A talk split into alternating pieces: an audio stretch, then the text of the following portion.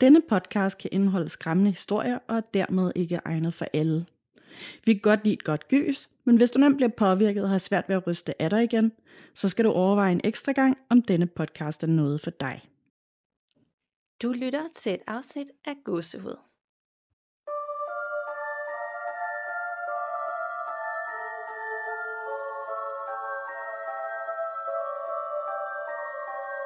Hej Nana. Hej Daniel. Og hej derude, og velkommen til episode 133, et rent lytterberetningsafsnit. Yes, vores allesammens favorit. ja, det er bare. Og siden sidste uge, så er der bare, det lader jeg i hvert fald mærke til her i går aftes, da jeg er ved at gøre klar, at så er der bare lige pludselig rigtig mange nye lytterberetninger, og jeg synes, det er så fedt, at folk bliver ved med at finde gåsehud, og bliver ved med at sende eller få andre til det. Det stopper aldrig. Nej, det er virkelig dejligt. Jeg kan også blive overrasket over, at vi har virkelig fået mange nye lyttere her på det sidste, især der har sendt lytterberetninger. Fordi at det er meget sådan noget med, jeg har lige fundet jer, og jeg har kun nået til afsnit 7, eller et eller andet i den stil. Ikke? Så der er virkelig ja. mange nye. Men inden I ikke holder jer tilbage til tingene, og nu er der rigtig mange, så behøver jeg ikke sende min, fordi vi vil altid gerne have endnu flere, og når vi har emnebaseret afsnit, eller nogle gange vi sådan ligesom skal prøve at mixe det mellem noget uhyggeligt og sjovt og hjerteskærende, så, øh, så det er rart at, at have en masse at vælge imellem. Præcis, altså endelig ikke holde jer tilbage. Vi kan nemlig også godt lide nogle gange at lave nogle sådan lidt temaagtige ting. For eksempel så ledte vi efter nogle, øh, med nogle lidt forelskede spøgelser her, da vi lavede Valentines-afsnittet for nylig. Og øh, til jul har vi også tit prøvet at søge, om der var nogen, der handlede lidt om noget juletid, så I skal endelig ikke holde jer tilbage. Endelig ikke. Og jeg synes virkelig, at... Øh at jeg har nogle gode med i dag, og du har også en, du har faktisk kun en med i dag, men den er så til gengæld virkelig lang. Yes, virkelig lang, men virkelig, virkelig godt fortalt. Spændende, men øh, inden øh, vi skal fortælle dem til lytterne, hvad er der så sket, siden vi talte sammen sidst? Der er faktisk ikke sket noget. Det er helt underligt. Uh! jeg er lidt øv. Altså, og nu har jeg startet forfra også på den der mønt, har øh, lagt den på en ny plads og inden for cirklen, og sagt flere gange, øh, hvis der er nogen her, så øh, må du meget gerne øh, flytte den her mønt ud af cirklen, sådan, så jeg kan se, at den er blevet rykket ud af cirklen, så jeg ikke er i tvivl. Men der er ikke sket noget. Nej, det minder mig om, at inde i Facebook-gruppen, der var en, der havde lagt op med den mønt, hun havde også en mønt, at det var sådan helt ude af cirklen nærmest. Så du det? Ja, ja. Meget ude af cirklen. Det var ret vildt. Og, og, øh, og der var også mange, der sådan, wow, der er der 100% nogen, der prøver at fortælle dig et eller andet. Men så var der også nogen, der skrev, det har lige været storm. Øh, måske har stormen rykket mænd. Ja. Kan, altså, og så tænker jeg, kan, altså, hvordan, og er det muligt? Vil det tror jeg ikke. Hvad tænker du? Altså, jeg tror det ikke, fordi at øhm, jeg har fundet ud af, at jeg har en utæt altandør. Øhm, så det blæste temmelig meget ind herhjemme, da der var storm. Øh, men der er ikke, øh, altså det er ikke fordi, der er noget, der sådan er flået rundt på den måde, så jeg tror altså, der skal meget mere til.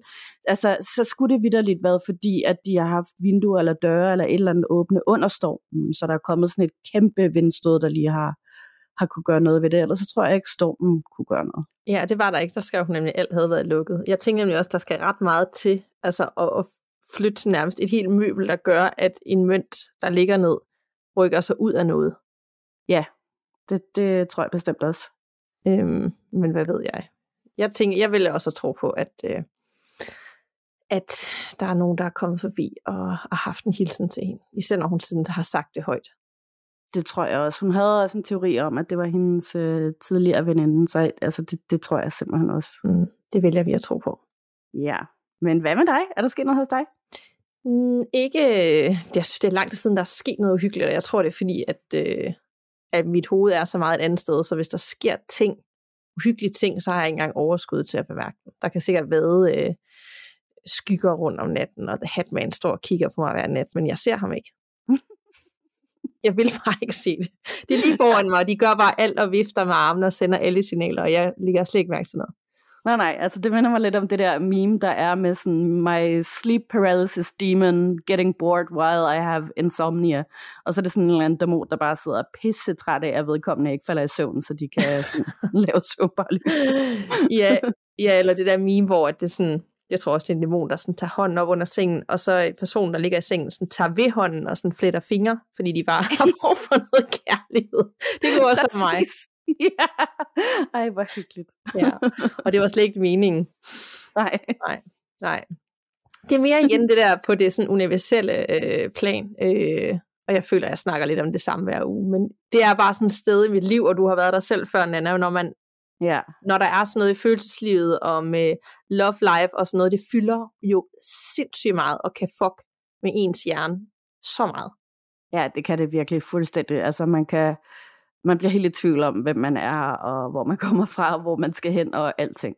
Præcis, og jeg bliver, bliver altså til tider vanvittig. Jeg glemmer ting, og jeg har ikke styr på noget, og jeg glemte, at vi skulle optage sidst og sådan noget. Det bare sådan generelt, der var mange ting, der fucker min hjerne. Men en ting, jeg synes var lidt sjovt, det er, at øh, nu fortalte jeg, at jeg havde det der med krystallerne, jeg havde datet en på et tidspunkt. Ja. Det er ligesom, det, det sluttede jeg. Men på et tidspunkt i januar, da jeg var overvist om, at det var bare en god idé, og øh, nu, nu, nu skulle vi ligesom få øjnene helt op for hinanden, og det, det, skulle være en, det skulle være det. Så jeg sagde det sådan højt i min lejlighed. Så sagde jeg øh, hans navn, og sådan, fordi det tænkte jeg bare var en rigtig god måde at manifestere, du ved, når man er lidt igen det der vanvittige noget, så, så kan alle, Ja. ja. alle knep gælder. Så jeg sagde højt sådan hans navn, for, altså for nu til at gå op en højere enhed, jeg ved, at det er det rigtige og sådan noget. Og så, øh, så sluttede det jo, det var ligesom ikke det rigtige. Men så, Mm. så får jeg faktisk det, det her et menneske med det samme navn to dage efter. Så de har jo leveret. Ja, det du, skal, du har bare ikke været specifik. Nej, jeg har ikke sagt efter. Så jeg var faktisk sådan, når jeg tænker, gud, jamen, de har jo egentlig været. Altså, de har jo ikke, jeg har jo ikke gået i detaljer om, øh, sagt, hans, hvordan han så ud, eller hans efternavn. De har bare fundet en anden med det navn. Ja, ja, ja, ja. Ah, men ja, altså det er, det er så sindssygt sådan noget der. Øh, det, det, der, var, der skete lidt af det samme for mig, øh, for hvad det, det må være ved at være to år siden nu så, øh, hvor jeg datede en, øh, som jeg virkelig, virkelig, virkelig gerne ville. Og øh, så blev det ikke til noget. Og på det tidspunkt, der, øh, der gik jeg til sådan noget kursus hos, øh, og hvad er det nu, hun hedder, mere end Camilla, Camilla, øh, Camilla Christensen, tror jeg. Hun har i hvert fald... Øh, Ja, ja, jeg ved godt, om det er. Ja. ja, soul fitness. Mm. Og øh, så sagde hun, øhm, det er tit sådan, når man manifesterer, så kommer der en, der ligner rigtig meget. Først ligesom for sådan en slags øvelse eller test, eller hvad man kan sige, og så kommer det rigtige bagefter. Øhm, og det sjove er, at ham jeg så fandt bagefter, er ham jeg stadig er sammen med. Og på en måde, så minder de ret meget om hinanden, sådan, både i udseende og interesser og humor og alt sådan noget der. Så, så der er nok noget om det. Jamen, med 100 procent, fordi så, så er ham den nye, som hedder det samme, men han er jo så alt det, som den anden ikke var. Ja. Og meget bedre, og, og bedre til ligesom at imødekomme de ting, jeg har behov for.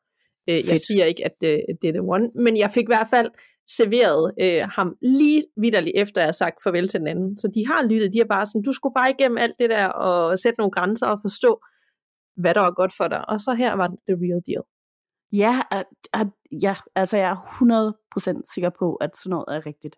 Der kommer altid lige testen, før at der så kommer noget. Og, og hun sagde også til mig, hende Camilla der, at, øh, at, at så længe du ikke lærer den lektie, du skal lære, så bliver universet ved med at sende dig det samme og det samme og det samme igen, indtil du ligesom finder ud af, hvad der er, der er galt. Det er seriøst det mest rigtige, og det har jeg virkelig lært øh, på min egen hårde måde. Og øh, Frederik, som vi også har haft med i vores podcast, han har sagt det samme.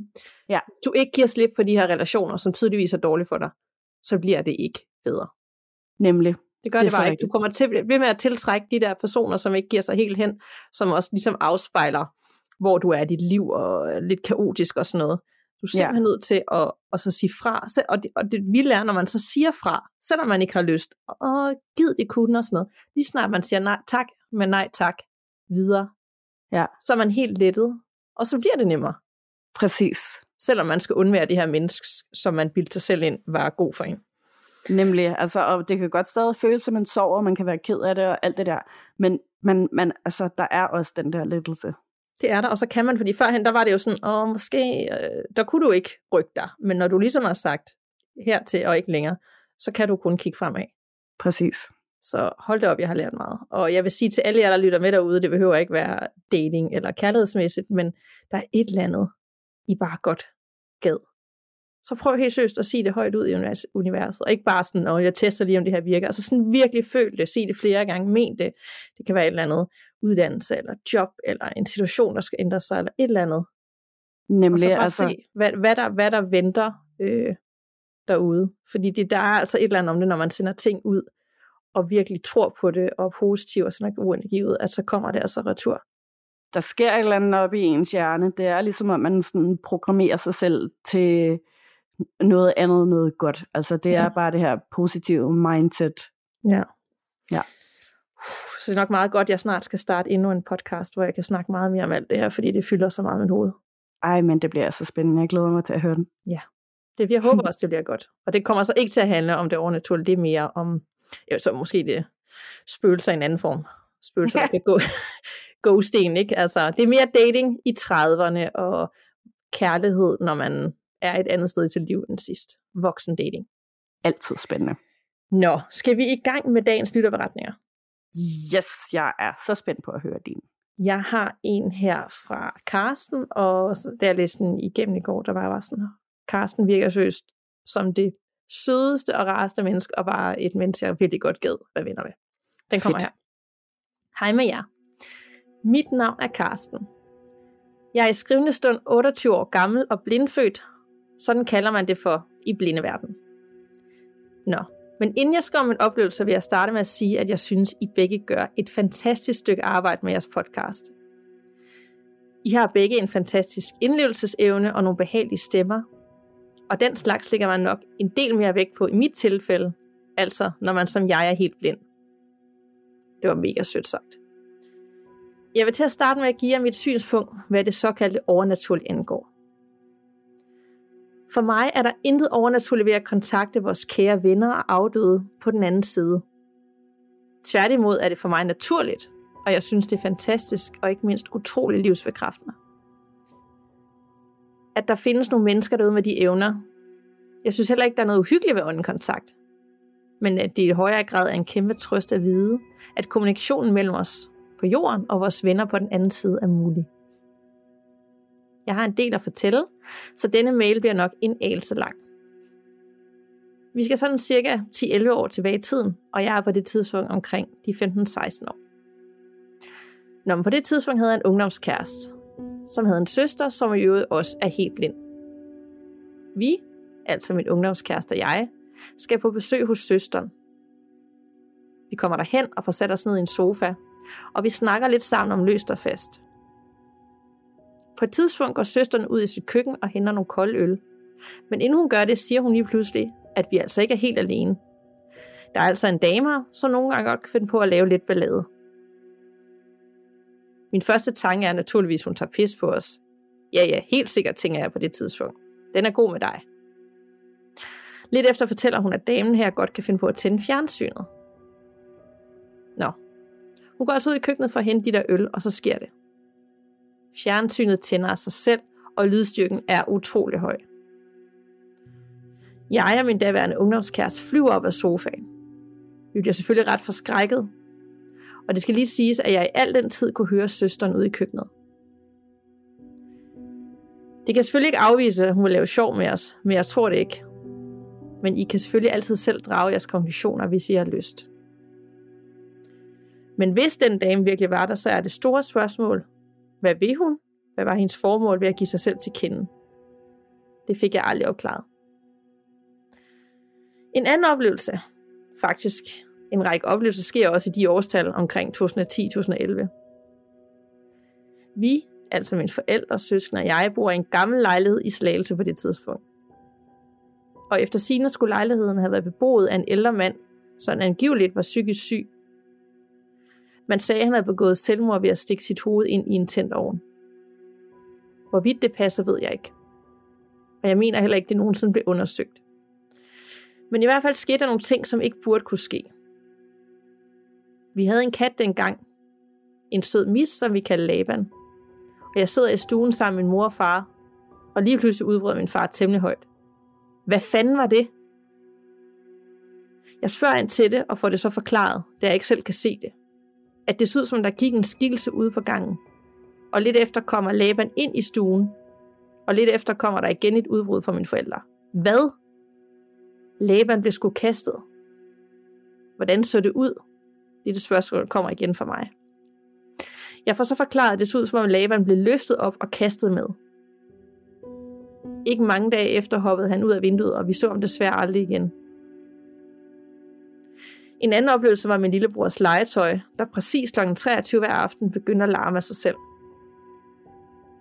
Jeg ved fra mine forældre, at min bror sov på det tidspunkt, så vi kan godt udelukke, at det var ham, der legede med sit legetøj. Senere blev batterierne også pillet ud, men det hjalp selvfølgelig ikke. Og nogle år senere flyttede vi. Der skulle gå mange år, før jeg kom til at opleve noget igen. Og det skal lige siges, at jeg aldrig selv har opsøgt det. Det er bare sket. For cirka et år siden er jeg en periode, hvor jeg føler mig lidt ensom og alene. Og den følelse er jeg sikker på, at I også kender. Men jeg kommer den dag hjem fra arbejde. Jeg spiller forresten musik for nogle ældre blinde borgere, som også har andre funktionsnedsættelser. Jeg går ud i køkkenet og skal lave aftensmad. Og lige pludselig hører jeg noget, der lyder som en eller anden form for klokke. Det er en meget fin tone. Jeg tjekker lige min iPhone for at udelukke, at der kom nogle beskeder. Det gjorde der ikke. Og jeg går derfor rundt i hele køkkenet for at undersøge, om en anden eventuelt skulle have sin telefon liggende i sted. Men jeg kan ikke finde noget. Og nogen rent faktisk havde glemt sin mobil, er jeg ikke sikker på. Men det kunne også have været en kærlig hilsen fra den åndelige side på det her tidspunkt i mit liv. Hvem ved? Den sidste beretning er meget personlig og meget sørgelig, men samtidig også meget livsforkræftende. Min elskede far fik konstateret kræft for lidt over to, siden, to år siden. Han er på en masse smertestillende piller, men lidt efter lidt bliver han dårligere og dårligere. En dag jeg er på besøg, fortæller han mig, at lægerne ikke kan gøre mere for ham, så hvis den kemo, han fik på det tidspunkt, ikke virkede, jamen så var der kun én vej frem. Jeg bruger lidt på at fordøje den oplysning, og må slå mig til tåls med, at han skulle dø. Vi har altid været meget tætte, min far og jeg, og har altid haft musikken som fælles interesse. Men han bliver desværre dårligere, og bliver til sidst indlagt på Næstved sygehus. Dagen inden han dør, fik jeg at vide, at han havde spurgt efter mig. Jeg var nemlig på besøg nogle dage forinden. Og dagen efter ringer min mor og fortæller, at han sov stille ind. Nogle dage efter han stod, drømmer jeg et eller andet underligt, jeg ikke kan huske. Men så ændrer drømmen sig, og jeg kan høre, eller måske endda fornemme, at min far kommer gående. Han kommer helt tæt på, og jeg kan dufte ham, og jeg bliver omfavnet. Vi står i temmelig lang tid og krammer hinanden. Og så taler han til mig. Jeg kan stadig huske ordene ordret. Hør her, min dreng. Det kan godt være, at jeg er død, men det ændrer ikke på, at jeg stadig er der. Jeg vil altid elske dig, min dreng, og du må ikke et sekund tro, at jeg vil forlade dig. Og så er det, som om han forsvinder eller opløses. Jeg kan ikke helt forklare det, men det er den mest virkelighedstro oplevelse, jeg nogensinde har haft. Puha, jeg kan godt mærke, at tårne presser på, nu var jeg nedskriver det. Men det var altså det, jeg har oplevet for nu. Jeg kan ikke sige, at der kommer til at ske mere engang ude i fremtiden. Jeg finder det svært at tro, at der ikke skulle ske mere. Men når det så er sagt, så har jeg ikke tænkt mig at opsøge det åndeligt. De skal altid være velkommen til at opsøge mig, hvis de altså kommer med gode intentioner og har fredelige hensigter. Det var alt for mig i den her omgang. Kære Nana og Danika, tusind tak, fordi jeg delte min oplevelse med jer og resten af lytterne. Jeg håber og tror på, at podcasten nok skal komme til at eksistere i mange år endnu. Pas godt på jer selv, om hvem ved, måske mødes vi en gang derude. Ha' det godt. Kærligst Karsten. Ej. Jeg bliver også helt øh, rørt, da jeg læste hele den her beretning. Ja, ja, det kan jeg også godt høre i, altså. Åh. Jeg synes, det virker bare som det mest fine menneske. Ja, det synes jeg virkelig også. Tusind tak for den beretning. Tusind tak for at dele noget så personligt med os. Det er virkelig, virkelig os, der takker. Virkelig. Og så er jeg bare, men det er nok også det her livssyn, og mennesker har. Det er sgu ikke altid ret tit, du møder folk, der har det der positive livssyn, og, og du ved, og finder glæden i det, i det små, og også hele den ros, han giver os. Altså, det er ikke bare at lige sige, altså, fordi det, man kunne bare mærke, at det kom fra et oprigtigt sted, og jeg synes virkelig det der med, at det også gør en forskel i forhold til, når han baserer jo så meget på lyd, fordi det er jo Mm. ligesom en ret stor ting øh, for ham, at det så også, at vi har nogle stemmer, som faktisk beroliger. Det er, da, det er det største kompliment, man overhovedet kan få, når man laver en podcast. Ja, det er det virkelig. Altså, det er så fint, og jeg, jeg bliver virkelig også rørt af det. Og det var Ja. virkelig godt for selvtilliden også, fordi der er sådan, jeg kan godt stamme lidt, eller falde, snuble tit over ordene og vrøvle lidt og alt sådan noget. Og det er der også nogle gange nogen, der påpeger. Og så bliver jeg sådan endnu mere usikker, hvis jeg kommer i tanke om det, mens jeg er i gang med at læse noget op, så, så, så kommer jeg i hvert fald rigtig til at, at snuble over ordene. Så det er virkelig dejligt at høre. Ja. Ja, det var simpelthen ja. så fint, men også, også de oplevelser, både der i, i huset med, med katten, altså Ja, det der med, at forældrene oplever det og gengiver det for ham, det må også være sådan en, en vild oplevelse. Ikke? Sådan, der skete noget her, hvad var det, der skete? Og så katten ligesom bliver samlet op og smidt. Det er ret voldsomt. Det er det stakkels, stakkels Laban. Øv, og jeg sådan, så det bare for mig, fordi jeg havde også en lille kat, der hed Laban, da jeg var lille. Nå, ja. Ja, Og så er Laban bare væk. Laban, og så stak den bare af og kom ikke igen. Det vil være klart nok, hvis den er blevet smidt rundt af et eller andet skygge. Ja, det er Tænk, det. hvad er det for noget, der foregår her? Det har jeg virkelig ikke lyst til. Nej, puha. Ja, og så beretningen der med faren. Og jeg tror virkelig på det der med, når man har den der helt klare drøm, og du kan dufte den, og du kan mærke den, og du husker ordene ordret, altså, så er det altså ikke bare en drøm, så er det virkelig en måde, hvor at de kommer igennem og siger, prøv at høre her, jeg vil altid være her, og, øh, og det skal, jeg har det bedre nu, og, og det skal nok blive okay. Altså, der skal man virkelig bare holde fast i den oplevelse, at det var 100% rigtigt. Det tænker jeg altså også. Det, altså, det ville også være sådan, jeg selv ville tolke det og opfatte det, Ja. hvis jeg havde sådan en drøm. Så tusind, ja. Ja. tusind tak øh, for den beretning, Carsten. Og vi håber også, at vi støder på dig en gang i fremtiden. Og hvis du oplever andet, så send det endelig til os, så vil vi meget gerne dele igen. Helt sikkert, ja. Nå, er du klar til en virkelig, virkelig, virkelig lang historie? Jeg er så klar. Jeps, øhm, og jeg sætter jer rigtig godt til rette. Den er lang, men den er virkelig, virkelig også rigtig god. Den kommer fra Mette Elund, som øh, har skrevet til os før, og øh, jeg har læst hendes øh, beretning op i episode 116, blandt andet om øh, noget, der måske var en astral projektion, eller øh, noget for et tidligere liv, og så handlede den også om en gård med nogle heste og et barndomshjem, blandt andet. Og øh, Mette, hun har en øh, blog, og øh, faktisk så har hun udgivet hele den her historie også som et blogindlæg, som vi har fået lov til at læse op, og det er rigtig spændende. Og øh, jeg lover selvfølgelig øh, at øh, linke til øh, Mettes blogindlæg, sådan, så man også øh, kan læse det der, hvis man har lyst til det, og ellers også kan se, hvad Mette blogger om. Tror du på det overnaturlige? Det har lige været fredag den 13., som for de fleste er lidt en ulykkesdag, men det er også en aften, man forbinder lidt med det overnaturlige, og der er der også lavet en gyserfilm, der hedder Fredag den 13. Det her blogindlæg handler ikke om fredag den 13., men handler lidt om min fascination af gyserfilm og det overnaturlige. Og så kommer det til at handle meget om dengang, der skete mærkelige ting, lige da vi var flyttet ind i det skønne rækkehus, mig og ungerne bor i. Håber du tager lytte med. I weekenden var min bedste veninde, som jeg har kendt siden første skoledag, og jeg er ude at se et del 2. Vi har rigtig mange år været fan af gyserfilm, og det er ikke mange gyserfilm, vi ikke har set. Jeg er nok den mest nørdede af os to, hvad angår film, og jeg kan også sagtens finde på at selv se gyserfilm helt alene. Og filmen her, altså et del 2, den kan jeg desuden sagtens anbefale. Jeg har både set den gamle version af filmen og nu den nye. Og det er virkelig en fornøjelse at have så god en veninde, som deler ens passion. Personligt har jeg altid været dybt fascineret af gyserfilm. Jeg kan huske, at en af mine første gyserfilm, jeg så, var Poltergeist 1. Den udkom allerede i 1982, så da jeg så den, var den allerede gammel. Jeg kan ikke huske, hvornår jeg så den første gang, men jeg har ikke været særlig gammel. Jeg husker dog, at jeg var pisse bange, men samtidig kunne jeg ikke lade være med at se det. Jeg var hugt. Også selvom jeg til tider måtte holde mig for ørerne og nogle gange for øjnene. Hvad er det med de der lyde gyserfilm? De bærer tydeligvis hele filmen. Siden da har jeg læst utallige bøger om det overnaturlige og set masser af film og dokumentarer om emnet. Men om jeg ønskede selv at opleve noget overnaturligt? Nej tak. Det gode ved bare at se film og læse om emnet gav en rar distance til det uforklarlige. Jeg voksede op på en gård, som blev bygget i 1927, og jeg kan ikke fraskrive mig, at der af og til har været nogle uforklarlige hændelser i løbet af min barndom på gården. Men som barn kan man nemt lade fantasien tage over på en gammel gård. Og specielt når man som mig opsøgte emnet i diverse medier. Jeg tror der 100% på, at der er noget mellem himmel og jord, som videnskaben endnu ikke helt har afdækket.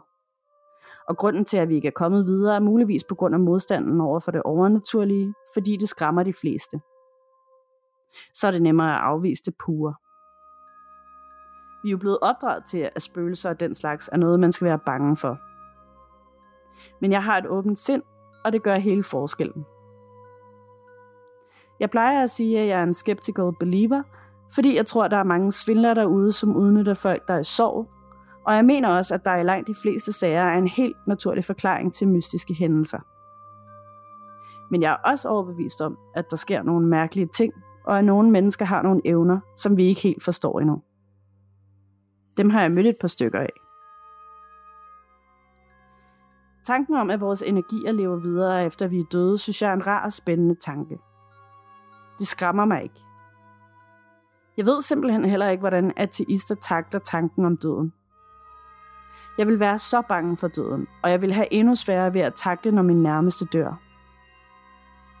Jeg ved ikke, om det giver mening, men det giver mening for de fleste at have noget at tro på. Det giver en form for ro i sindet, at der er en højere mening med livet. I 2017 flyttede ungerne og jeg to gange. Den første gang var i forbindelse med skilsmissen mellem børnenes far og jeg. Ungerne og jeg boede i det første lejede hus i 10 måneder, inden vi flyttede til det rækkehus, vi bor i nu. Det var i oktober 2017. Vores rækkehus er en tidligere sygeplejebolig bygget i 70'erne, for dengang der var sygehus i byen. Vi er ikke flyttet siden, men der gik ikke mange dage efter vores flytning, før vi lige skulle vende os til alle de nye lyde i huset. Nogle af dem var lidt for mystiske, synes jeg. Jeg husker tydeligt en af de første aftener, hvor ungerne første gang skulle sove i huset med mig. Dengang var Rasmus 5 år og Digte 2 år. Ungerne havde for første gang fået deres eget værelse, og det skulle de lige vende sig til. Rasmus havde mest lov til at sove med sin lille søster den nat, og jeg hævde derfor en foldemadras ind på gulvet på Digtes værelse, som han kunne sove på. Da de to sov, hoppede jeg selv i seng. Efter et par timer vågnede jeg ved en fornemmelse af, at der stod nogen i døråbningen ind til mit soveværelse. Jeg havde både en fornemmelse af, at der stod nogen og kiggede, og så hørte jeg også lyden af et tungt åndedræt, der kom fra døråbningen. Jeg tænkte som det første, at det bare var Rasmus, der var vågnet og havde brug for at komme ind til mig og sove videre. Noget, som han havde gjort mange gange før. Men det irriterede mig, at han bare stod der.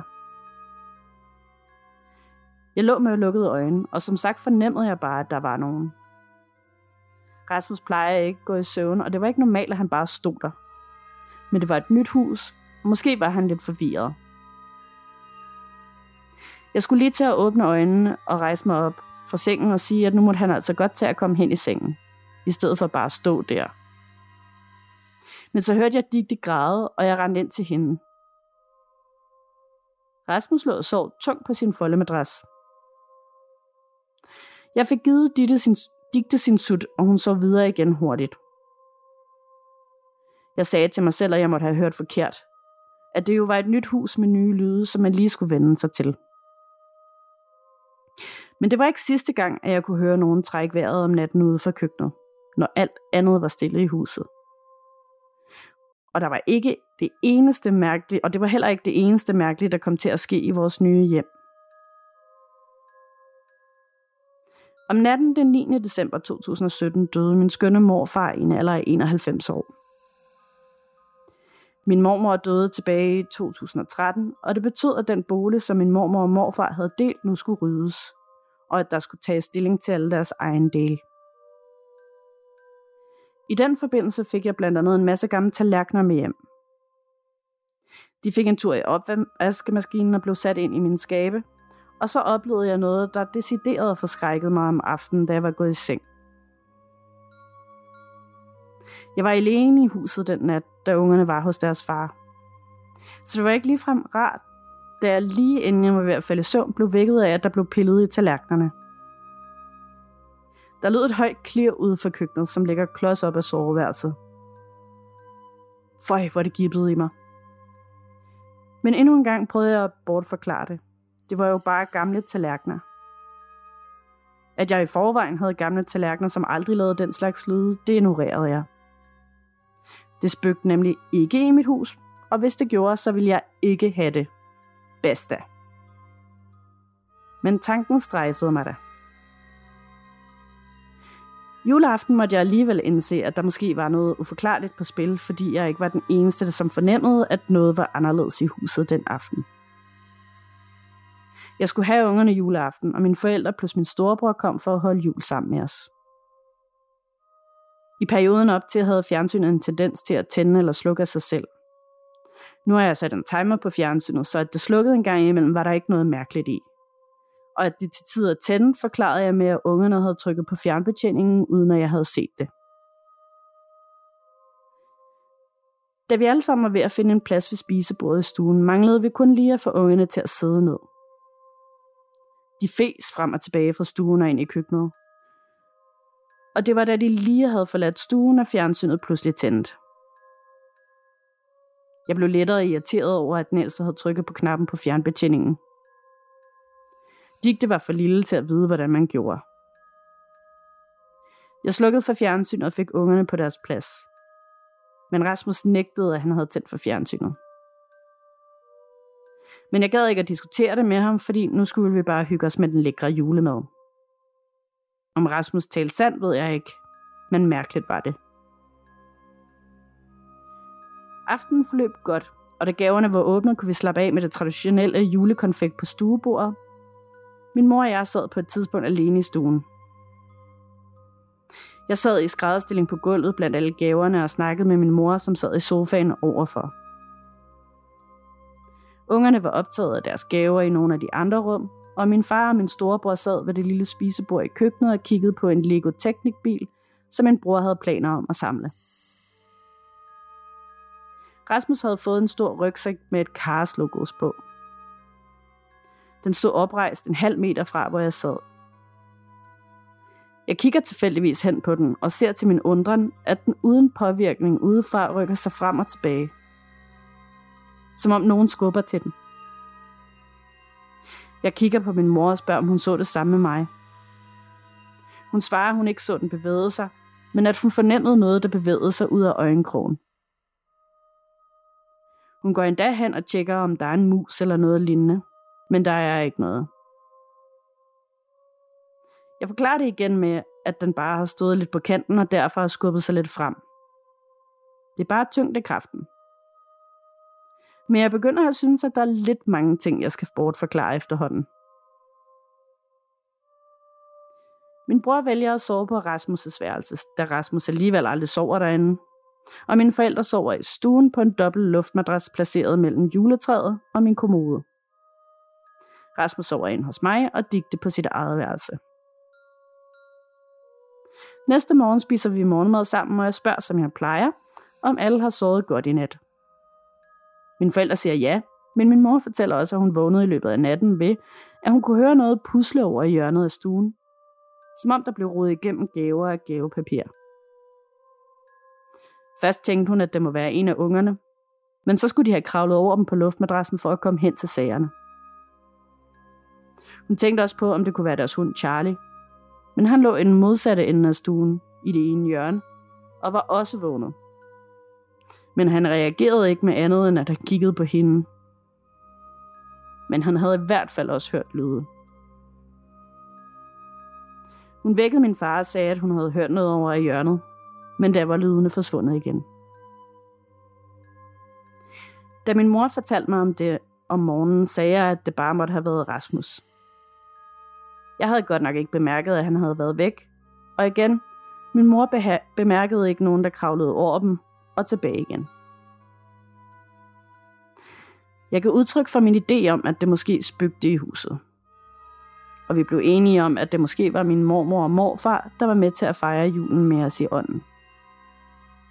Det var en rigtig rar tanke.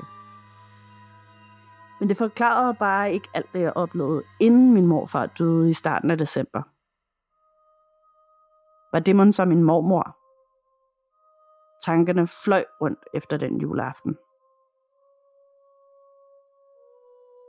Efter julen synes jeg, at aktiviteterne stillede af. I januar kom jeg dog hjem fra et barselsvisit i en børnefri weekend omkring 17-tiden, hvor det stadig var meget mørkt i de sene eftermiddagstimer. Jeg gik ind i køkkenet med mine nøgler i hånden og ville tænde lyset i køkkenet.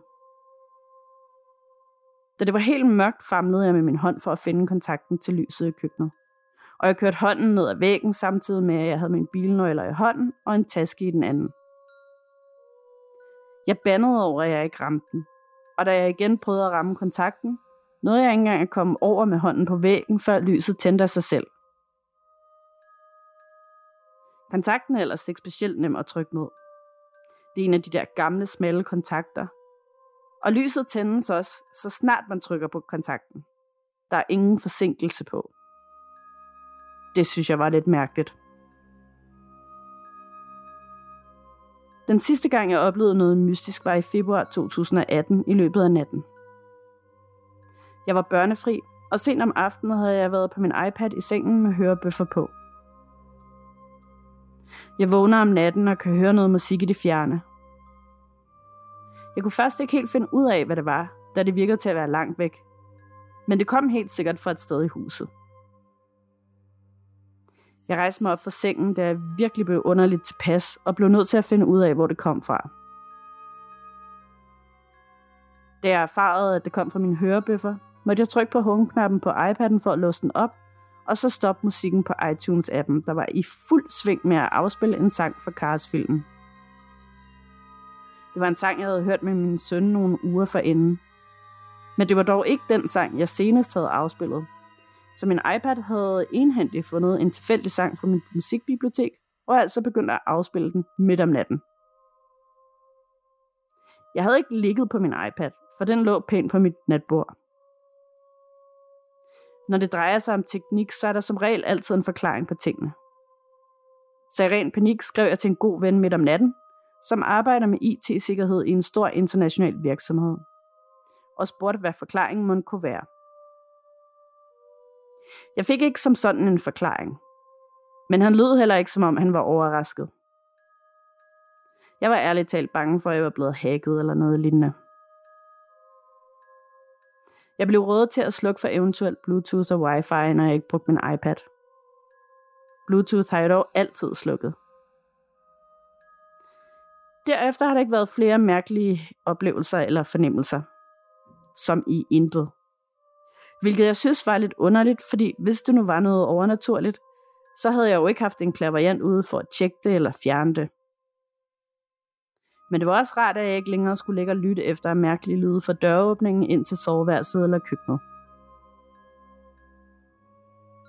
Den 3. marts i 2018 er jeg til fødselsdagsfest hos min veninde og genbo, som bor i et af de andre rækkehuse i kvarteret. Med til den fest er også hendes veninde Karina, som tilfældigvis også har boet i rækkehuset før mig. Jeg mødte hende nogle enkelte gange igennem noget trivselsråd i børnenes børnehave og gennem vores fælles veninde.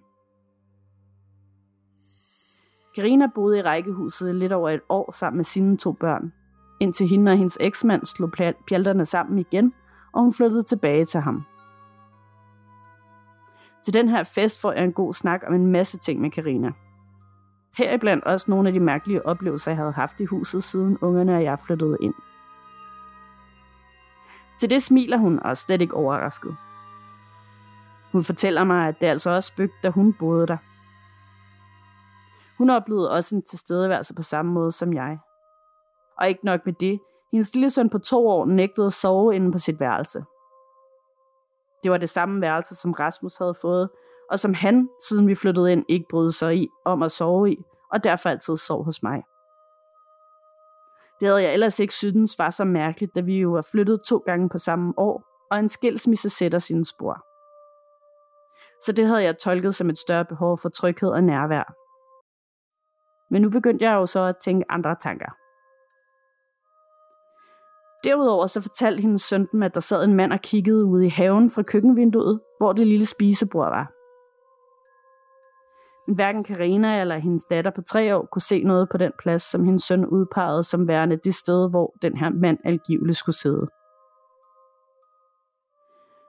Det mest creepy, der skete, var dog en morgen, hvor hendes datter var stået op lidt før hende og havde bevæget sig ind i stuen.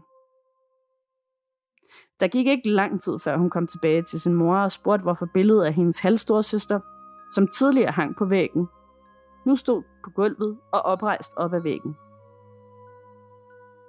Griner havde i løbet af natten hørt et bump inden for stuen. Men hvordan kunne billedet pludselig falde ned midt om natten?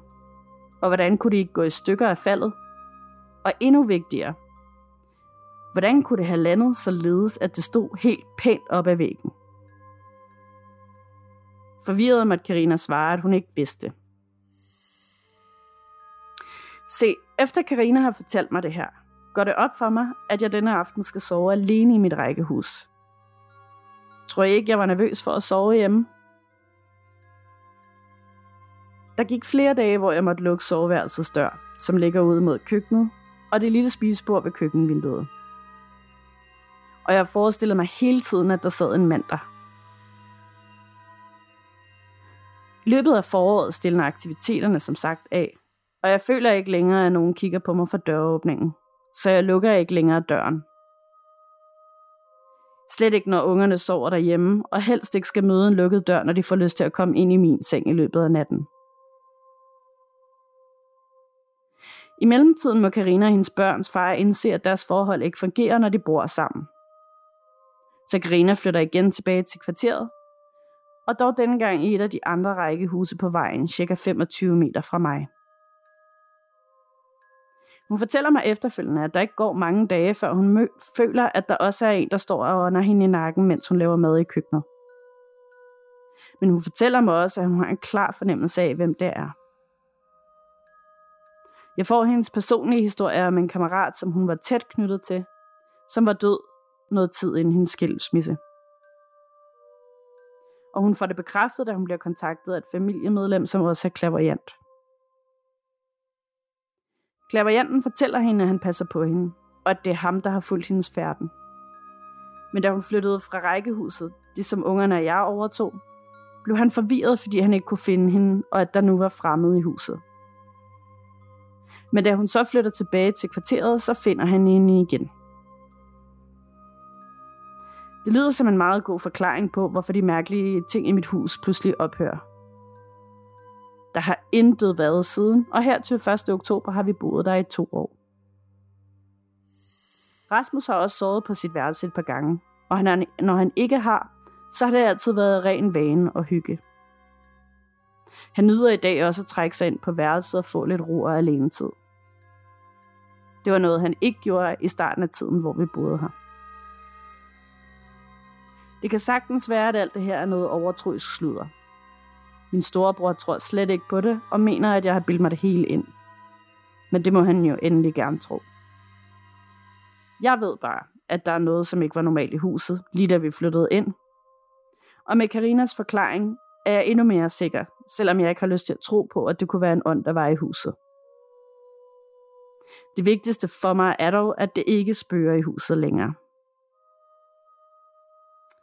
Det var alt fra, øh, fra Mette her i øh, denne omgang. Men Mette har lovet os, at øh, hun vil skrive nogle flere historier til os, når hun får tid til det. Hvor, er, hvor var det bare en vild beretning. Slap af. Ja. og meget detaljeret. Jeg elsker, når man sådan føler, at man bor i rækkehuset med den, og du ved, kan føle alle de oplevelser, de har, og hvordan det ser ud. Det er, så, altså, det er bare beskrevet ned til den mindste detalje. Jeg er vild med det. Jamen, det er det nemlig. Jeg synes også virkelig, det er sådan en rigtig god forklaring, og jeg kunne, også, altså, jeg kunne se hele stuen for mig også øh, til jul med, hvordan øh, dobbeltmadrassen der var slået op, og der havde været øh, gaver og gavepapir i det ene hjørne, og hunden lå i det andet sted. Altså, og jeg kender godt det der følelse, når man har et kæledyr, og man så hører noget, og det også hører noget, og så kigger man på hinanden, og man ved begge to, at man har hørt et eller andet mærkeligt. Men, øh, ja. Og så synes jeg faktisk, at den havde et plot twist, fordi jeg synes, at man hørte det der med rygsækken, og barnet reagerede. Jeg, jeg havde sådan en idé om, at det var sådan barnespøgelse, der var ligesom knyttet til det her rækkehus. Ja. Og så var det bare, så var det sådan, og så gav det jo virkelig god mening, da hun så får det her forklaret af Karina, at der var en eller anden der var knyttet til hende, og så var hun flyttet. Og det er jo ja. det der med, at det ikke bare, altså, at så kan et, et spøgelse eller en ånd også blive forvirret sådan, hallo, hvor er du henne? Og bliver sådan lidt usikker. Hvad, hvad sker der nu? Ja, ja, ja, 100 procent. Altså, og så finder han hende endelig igen, når hun flytter tilbage, ikke også? Mm. Men jeg troede faktisk også til at starte med, at det, det måtte have været et, øh, et børnespøgelse. Og så ser jeg bare den her måske ulykkelige ånd sådan vandre hvileløst rundt der i kvarteret og bare lede efter Karina. Ja, og stå lang tid i døråbningen ind til soveværelset, bare undre sig sådan, hvem fanden er det der? Ja, virkelig. det minder mig om det der sted i øh, øh, Charlottenlund. Har vi ikke snakket om det der, der har ikke snakket om den der boligblok? Hmm. Nej, okay, det ved jeg ikke. Det, at der var et sted, altså sådan rigtig lækre lejligheder, øhm, men hvor at der er en mand, som efter sine er begået selvmord i en af lejlighederne, og, øh, og folk flytter jo bare hele tiden derfra, fordi han er i alle lejlighederne. Så det der med en ånd godt kan, det er ikke sådan, jeg er kun i den her lejlighed, og jeg har kun for dem. At så vandrer han rundt fra lejlighed til lejlighed og skræmmer livet af alle for den til at flytte. Okay, det er rimelig vildt alligevel at gøre. Og det var der, min, det var min gudmor havde kigget på en lejlighed, for det er super lækkert område, og lækre lejligheder, og til at betale, det er, altså, det er ikke ejer, det er leje. Ja. Øhm, men hun sådan, så fik hun de der historier fortalt, sådan, jeg skal overhovedet ikke bo der. Okay, nu har jeg lyst til at bo der, fordi at hvis man alligevel godt bare ved, det er ham, så kan man alligevel bare sådan, åh, hold nu kæft, Ole, eller sådan et eller andet, ikke? Jeg føler, at jeg har haft den op at vende før. Jeg føler også på et tidspunkt, at jeg vidste præcis, hvad vejen hed, så man sådan ligesom kunne finde det frem. Øh, men det er sådan almindeligt kendt, at øh, det er ikke bare sådan en familie, der flytter fra. Der er mange, mange, mange, der flytter derfra. De er der sådan gennemsnit sådan i seks måneder max. Så holder de ikke meget længere. Ej, altså, hvis der er nogen derude, der sidder og lytter med, som kender noget til den her historie, eller selv har boet der, eller kender nogen, der har boet der, eller et eller andet, skriv lige Ja, til jeg, jeg os. kan også lige høre hende igen. Hvad var det, det hed, det område? Jeg er ret ja. sikker på, at det var ude i, øh, i Charlottenlund. Sådan en gammel bygning. Sådan, jeg kan næsten se det for mig. Ligger lige, jeg tror måske det er fordi, at hun havde dyrlæge på den anden side med sin kat. Og så snakkede hun med dyrlægen sådan, wow, der gad jeg godt bo. Og så var dyrlægen sådan, der skal du bare ikke bo, fordi det der, det Ja. Så øh, hvis det siger nogen noget derude, eller I har hørt nogen, der har boet der, eller hørt fra andre, så, øh, så sig det lige til os. Fordi det er meget interessant, det der med en ånd. Og især har vi også talt om før, når det er selvmord, så fylder sådan energi endnu mere. Mere frustreret ja. måske. Øhm, og så, så kan det være, at de har sådan mere magt, eller kan flere ting, kan bevæge sig rundt fra lejlighed til lejlighed. Ja, det er rigtigt. Uh, uh, Uh. det lyder ulækkert. Ej, jeg synes, det var mega, mega, mega fed beretning. Det Og, var det. Øh, med plot twist og meget detaljeret. Det var fedt. Er du klar til en sidste her for mig, inden vi slutter af for i dag? Det kan du tro. Og øh, det er for Brian, og øh, vi skal blandt andet have en lille skideballe, Nana. Uh, åh oh, nej. Hej Nana og Danika. Først og fremmest vil jeg lige lægge ud med at give jer en skideball. Da jeg sommer startede med at høre jeres podcast, var jeg så optaget af den, at alt andet blev lukket ud. Så en dag på arbejde, hvor jeg som maler stod på en stige og malede stenbrædder, havde jeg jer to i ørerne og var helt væk. Min marker skulle så lige fortælle mig noget, hvilket resulterede i, at jeg næsten faldt ned af stigen, og samtidig gjorde hende forskrækket, fordi jeg skreg højt op. Så når jeg hører nu, har jeg kun en høretelefon i det ene øre, fordi I var ved at skabe en arbejdsulykke. Ej, åh oh, nej. Undskyld, Brian, det er vi ked af. Jeg fik det også på den ene side, så var jeg sådan, fuck, altså jeg kan næsten glemme at grine, men på den anden side, så kan jeg jo godt se det for mig. Det går jo ikke, altså. Nej, nej, det går det Jeg altså håber ikke, det var dengang med lydeffekterne, altså. Men øh, det er jo det, der sker, når så er det jo åbenbart lidt uhyggeligt. Ja, ja. Undskyld, Brian. Ja. Nu til min historie. Min far har været i aflastning på et plejehjem efter lang tids sygdom, hvor det hver dag går dårligere og dårligere med ham.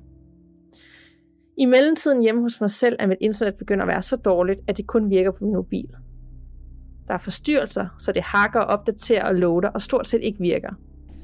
Det hele startede en mandag.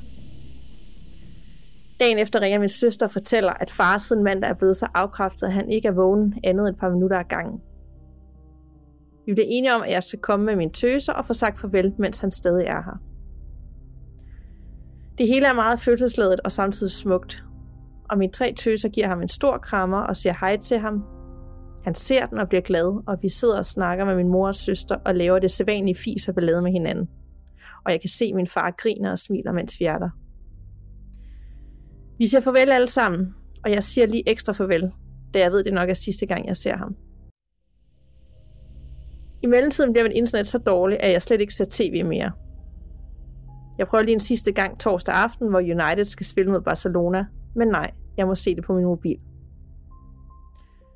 Samme nat sover jeg ret uroligt, hvor til min søster ringer om natten og fortæller, at min far er gået bort, men jeg vidste det jo i forvejen. For da jeg lagde mig i sengen igen, kunne jeg se et lyst, auralignende omrids lige ved siden af mig. Min far var hos mig. Jeg blev ked af det, men samtidig fik jeg den fornemmelse, der bare fortalte mig, at han var et bedre sted nu. Til middagdagen efter fortalte jeg alt til min søster, og der gik det pludselig op for mig, at de forstyrrelser på min internet skulle nok være min far, der var hos mig hele tiden. Så da jeg kom hjem, tændte jeg mit tv, og alt virkede som om intet var hent. Jeg tog mig selv i at begynde at græde, og derefter går over i at grine og udbryde højt. Far, du kunne fandme godt lige have lavet mig se United i går. Jeg har aldrig haft så intens oplevelse i mit liv som dette, men er virkelig taknemmelig for, at han lige kom og sagde farvel. Tak fordi I med jeres podcast har åbnet noget i mig, som gør sådan noget her muligt. Og havde det, for, havde det været for et par år siden, havde jeg fundet en teknisk og logisk forklaring. Fortsæt med det, I gør. De varmeste hilsner, Brian. P.S. Jeg er stadig gal over, I nær fik mig væltet ned af stigen. det kan jeg sgu godt forstå. ja, den, den tager vi til os. Sorry. Mega sorry, ja. men, øh, men, men et eller andet sted var det også sådan, fordi igen har vi at gøre med en meget hjerteskærende og, og rørende beretning, men også det der med, mm. at, at han faktisk har lyttet til godset og har, har åbnet noget i ham, som har fået, den her oplevelse har været helt anderledes for ham, end det stod for år siden, hvor jeg tænkte om. Det er nok, fordi at der var et glitch i området, der gjorde, at alles internet drillede, eller et eller andet. Øhm, at han så faktisk har set det på en helt anden måde, og meget fin og rørende måde, og det har jo også gjort en forskel for ham. Ja, det synes jeg simpelthen også var mega fint. Det blev jeg også virkelig rørt over. Øh, det er bare så dejligt, og, så, og sådan også bekræfte, bekræfter os i det der med, at du også tidligere i dag har sagt, at, at man skal bare holde fast i det. Det var det, jeg oplevede, i stedet for at begynde at bortforklare det her. 100 procent. Det, det, det skal man slet ikke være i tvivl om. Øhm, og jeg synes også det der med, at, at der har været hele ugen, hvor han har været syg fra mandag, og lige så snart, at han ikke er her længere, så stopper det, og så virker alt, som det plejede førhen. Og de går netop i alt sådan elektronisk. Det jo, har vi jo snakket om tusind gange. Det er nemmere for dem at gøre det på den måde, end at skulle vise sig. Ja, helt sikkert. Så det giver jo super god mening, at der ligesom er noget knas for linjen i hele den proces. Og, øhm, men også meget rørende beskrevet det der med, og det, åh, det der med, man lige siger et ekstra farvel, da man ved, det nok er sidste gang. Altså, fandme yeah. hårdt, men altså, og, og, det skal alle mennesker igennem på et tidspunkt med en, de har kær. Det der med, nu er det nok sidste gang, jeg ser den her person. Shit, det er hårdt. Det er så hårdt, men har kæft for, var det bare en helt perfekt, smuk og dejlig, skøn sidste dag, de hed sammen. Ja, virkelig. Man kunne, man kunne nærmest mærke, af stemningen fiser bladet, som vi plejer. Folk griner og smiler. Yeah. Hans børn er med og siger farvel. Øh, hans far ligger og, og bare glad og griner og smiler. I, i, og ved nok selv, det her det er sådan det sidste minde, jeg får med min familie. Nu kan jeg ja. godt give slip. Ja, oh. altså, så rørende. Uh, og, og, men, men rigtig uheldigt der med stigen og en potentiel arbejdsulykke. Kan vide, om vi så kunne blive uh, sagsøgt? ja, og det håber jeg altså ikke. Nej. øh, ja, det er ikke så godt. Øhm, Nej. Så rigtig god idé, hvis man har sådan et arbejde, der kræver, at man står på noget, stiger eller stillads, øh, at man lige har bare lige hørt telefonen i ene øre. Det jo faktisk ja. meget godt tip. Rigtig godt tip. Jeg, kunne lige se, jeg kan lige se kollegaen, hvor han bare sådan skriger, og hun bare lige skal spørge, hvor er den anden malerrulle eller sådan noget. Ja, ja, ja. man lige skal forklare, hvad det var, der skete. Ikke? Hvad, er det, hvad laver du? Hvorfor er du så bange? Nemlig, altså også det der med at blive forskrækket over nogen, der bliver forskrækket, sådan, det kan jeg også godt føle. Altså jeg bliver altid, når der, selvom jeg ikke selv bliver forskrækket over et eller andet, for eksempel når jeg er biografen og ser en uhyggelig film, så bliver jeg forskrækket, hvis der er andre, der bliver forskrækket. Ja, lige præcis. Sådan, hvad er der galt, Brian? nu skal du høre. så ej, det var en, øh, en, en god en at slutte af på. En det var det. fin og sjov. Og så kom vi hele vejen rundt, og øh, som altid, ind i Facebook-gruppen med dig. Der kommer jo ny til hver uge. Vi er meget, meget tæt på 10.000 nu, og vi har Instagram. Og så må du gerne sende de lytopretninger til gåsudpodcast.gmail.com, og det er gåsud med to A'er. Og så glæder vi os sådan til at læse den og dele med lytterne derude. Ja, yeah, vi gør så. Det gør vi. Så øh, tusind tak for snakken, Anna, og god weekend. I lige måde, tak. Vi lyttes ved, og pas på derude. Man ved jo aldrig, hvad der venter bag den næste dør.